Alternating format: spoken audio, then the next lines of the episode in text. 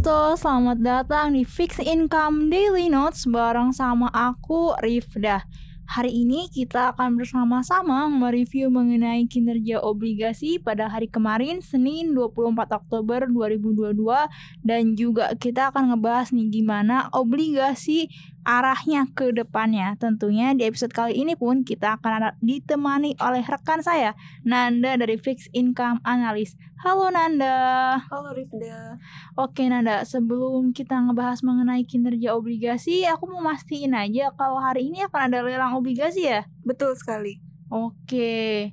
Eh, nanti uh, di selanjutnya kita akan ngebahas mengenai lelang. Sebelumnya boleh jelasin dulu dong gimana kinerja dari pasar obligasi pada hari kemarin. Oke, kinerja indeks total return obligasi Indonesia kemarin sebelum adanya lelang hari ini e, ternyata cenderung melemah ya sebesar 0,06 persen dan pelemahannya diakibatkan dari kinerja obligasi negara maupun dari korporasi. Sementara untuk volume perdagangan kemarin di awal pekan ini untuk e, perdagangan obligasi pemerintah di pasar sekundernya tercatat sebesar 5,7 triliun, sedangkan untuk volume perdagangan obligasi korporasi tercatat sebesar 759 miliar seperti itu. Oke, kinerjanya kembali mengalami perlemahan ya pada hari kemarin ini. Lalu untuk uh, kalau misalkan kita bandingkan kinerja obligasi kita dengan obligasi Amerika ini gimana? Oke, untuk uh, perbandingannya spreadnya ada di 340.7 basis point atau mengalami kenaikan sebesar 7 basis point. Sementara untuk yield obligasi di Indonesia dengan tenor 10 tahun tentunya posisinya sekarang ada di 7,58 persen atau mengalami kenaikan sebesar 31 basis point. Sementara di US juga yieldnya naik sekitar 1 basis point menjadi 4,22 persen seperti itu. Oke, jadi uh, dari obligasi Amerika ataupun obligasi Indonesia kompak ya mengalami kenaikan yield. Lalu untuk pergerakan mata uang rupiah ini gimana nih? Kemarin mata uang rupiah kita masih cenderung menguat di 15.585. E, memang sebelumnya sempat di 15.600, sekarang posisinya ada di 15.500-an dan tentunya sentimen yang ada terkait dari sentimen yang luar mengenai Presiden The Fed San Francisco Mary Daly mengatakan bahwa The Fed ini harus menghindari menempatkan ekonomi Amerika Serikat ke dalam penurunan paksa dengan pengetatan yang berlebihan. Jadi eh, apa Presiden The Fed juga menambahkan bahwa The Fed ini mendekati titik di mana laju kenaikan suku bunga harus diperlambat. Dan meskipun ada sentimen mengenai uh, apa kenaikan suku bunga harus diperlambat tetapi pada November nanti bank sentral paling powerful di dunia ini masih diperkirakan akan menaikkan kembali uh, tingkat suku bunganya sebesar 75 basis point menjadi 3,75 sampai 4% dan kenaikannya meskipun masih dilakukan hingga awal tahun depan depan ya, tetapi juga ada katalis uh, dari data di Amerika Serikat uh, tentang pengetatan kebijakan moneter oleh The Fed ini membebani aktivitas usaha di sektor manufaktur dan jasa. Uh, seperti diketahui perhitungan awal di dat dari data Standard Poor's Global US Manufacturing PMI men, uh, turun ya di level 49,9 di bulan Oktober dari level 52 di bulan September dan ada di bawah ekspektasi pasar sebesar 51. Jadi uh, kontraksi ya mengalami kontraksi. Selain itu juga perhitungan awal dari data standar Poor's Global Flash Service PMI jatuh di level 46.6 di bulan Oktober dari level 49.3 di bulan sebelumnya dan jauh di bawah ekspektasi pasar yang sebesar 49.2. Jadi dengan demikian data dari standar Poor's Global US Composite PMI turun di level 43 47.3 dari level 49.5 dan mengalami kontraksi. Jadi jika dipertimbangkan melihat data kebijakan uh, moneter Federal Reserve uh, yang membebani aktivitas usaha sektor manufaktur, mungkin ada pertimbangan untuk menahan laju kenaikan tingkat suku bunga seperti itu. Oke, jadi karena dilihat dari kinerja PMI-nya juga mengalami penurunan ya Nanda ya.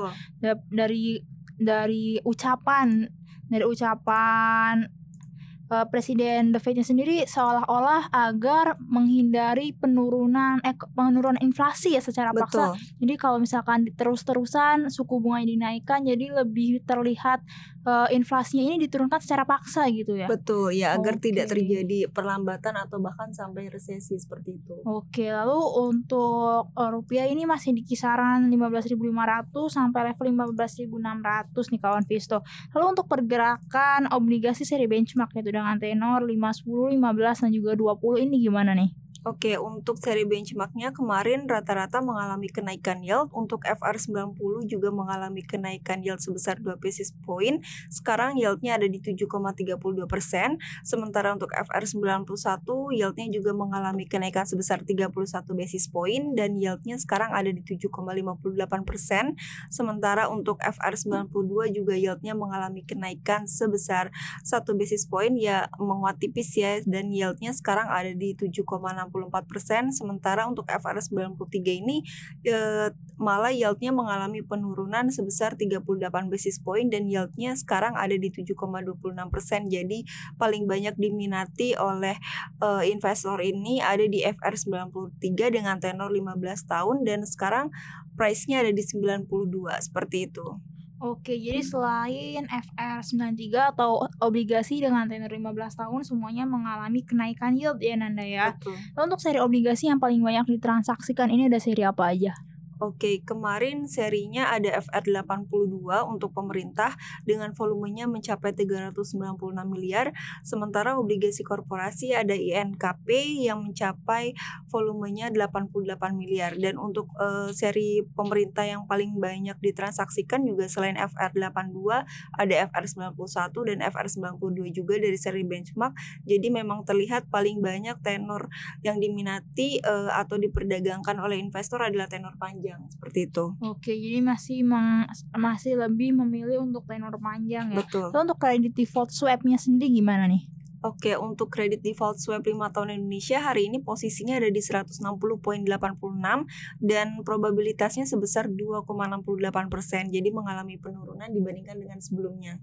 Oke, cukup sinyal yang bagus ya adanya penurunan probabilitas default dari Indonesia sendiri. Lalu uh, boleh dijelasin dikit nggak mengenai uh, lelang obligasi hari ini? Kira-kira uh, obligasi yang dilelang hari ini itu apa? Terus pandangan kamu mengenai pasar obligasi ke depannya gimana? Oke, uh, untuk lelang dulu ya, untuk lelang sendiri, uh, memang pemerintah akan melakukan lelang sun hari ini dengan target indikatifnya sebesar 13,5 triliun dan target maksimalnya sebesar 20,25 triliun dan ada tujuh seri yang akan dilelang. Kemudian selain itu berupa new issuance maupun reopening sedangkan reopening sendiri ada FR95, kemudian 96, 98, 97, 89 dan FRS DG uh, 001. Jadi uh, selain ada FR ada seri yang uh, berupa Sustainable Development Goals. Ya, bond pertama yang ditawarkan melalui lelang di pasar perdana domestik yaitu FRSDG 001 dan Selain itu terkait obligasi ke depannya tentunya dengan adanya lelang ini diharapkan volume akan meningkat atau kinerja obligasi bisa menguat ya setelah sebelumnya obligasi terus mengalami pelemahan kinerjanya setelah adanya RDGBI dan selain itu dari katalis dari luar sendiri uh, terkait uh, ancaman resesi global bahkan sampai di Inggris sendiri perdana menterinya akan digantikan oleh Rishi Sunak uh, meskipun tidak diganti hari ini tetapi mantan perdana menteri Menteri sebelumnya Listras masih harus menghadap uh, Raja Charles III dan kemungkinan besarnya penggantinya adalah Rishi, Rishi Sunak. Jadi dilihat bahwa ancaman resesi global ini cukup uh, mengguncang perekonomian di semua negara ya bahkan Inggris sendiri karena APBN-nya tidak uh, kredibel sampai menggantikan perdana menterinya sendiri. Sementara di sisi lain di Indonesia sendiri terkait resesi juga dan krisis global ini sudah mulai uh, terasa ya di dalam negeri karena uh, pernyataan dari Ketua Federasi Serikat Pekerja Tekstil, Sandang dan Kulit Serikat Pekerja Seluruh Indonesia ini menyatakan hampir 50 ribu anggota dirumahkan. Jadi eh, fenomena ini terjadi akibat adanya penurunan permintaan terutama dari pasar ekspor sehingga mengakibatkan sampai para pekerja pun hampir dirumahkan seperti itu. Dan selain itu dari Kementerian Investasi katalis positifnya yaitu Badan Koordinasi Penanaman Modal mencatat realisasi investasi hingga kuartal 3 2022 ini mencapai 892,4 triliun dan capaian tersebut sebesar 74% dari target investasi di tahun ini yang sebesar 1.200 triliun seperti itu. Dan terkait adanya lelang tentunya dengan sentimen global yang ada juga masih diperkirakan yield soon uh, dengan tenor 10 tahun masih ada di kisaran 7,25 sampai 7,50 persen seperti itu. Oke Nanda, terima kasih ya penjelasannya. Oke Konvisto, jadi bisa kita simpulkan untuk podcast Fix Income Daily Notes hari ini bahwa karena hari ini akan ada lelang, lelang surat utang negara diharapkan dengan adanya lelang ini volume transaksi obligasi Indonesia ini uh, meningkat ya untuk hari ini dan juga uh, untuk mendorong kinerja dari pasar obligasi Indonesia yang beberapa hari ini sudah mengalami penurunan dan juga untuk dari sentimen globalnya The Fed sendiri probabilitas untuk menaikkan suku bunga di bulan November ini masih tinggi dengan probabil uh, dengan potensi menaikkan tingkat suku bunganya sebesar 75 basis point. Namun berdasarkan pernyataan dari Presiden The Fed sendiri bahwa uh, The Fed uh, lebih mempertimbangkan untuk menaikkan laju kenaik uh, kenaikan tingkat suku bunga ini perlu kita sesuaikan seperti itu agar tidak adanya penurunan ekonomi secara paksa. Oke kawan Visto bisa uh, untuk podcast Fix Income Daily Notes hari ini kita sudahi di sini. Buat kawan Visto yang pengen tahu lebih banyak tentang investasi saham ataupun obligasi, silahkan kunjungi investasiku.id. Investasiku for better tomorrow. Investasiku.